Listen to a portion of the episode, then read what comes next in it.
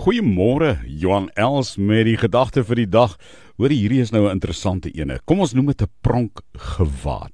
Jy het mos nou al baie gehoor van Josef se lang rok met die moue. Die, kom ons noem dit die pronk gewaad.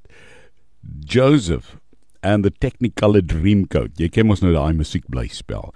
Jy weet ouers kan soms eintlik dwaase en onsinnige dinge met hulle kinders aanvang. En dit lyk soms of uh verstandige en reggeskape mense blind is as dit by hulle kinders kom.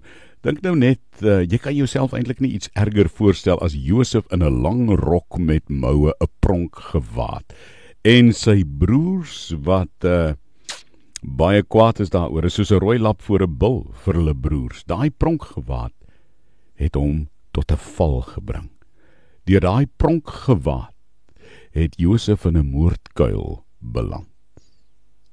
Moenie toelaat dat dit wat lyk of dit so oulik is, jou oorweldig vandag nie.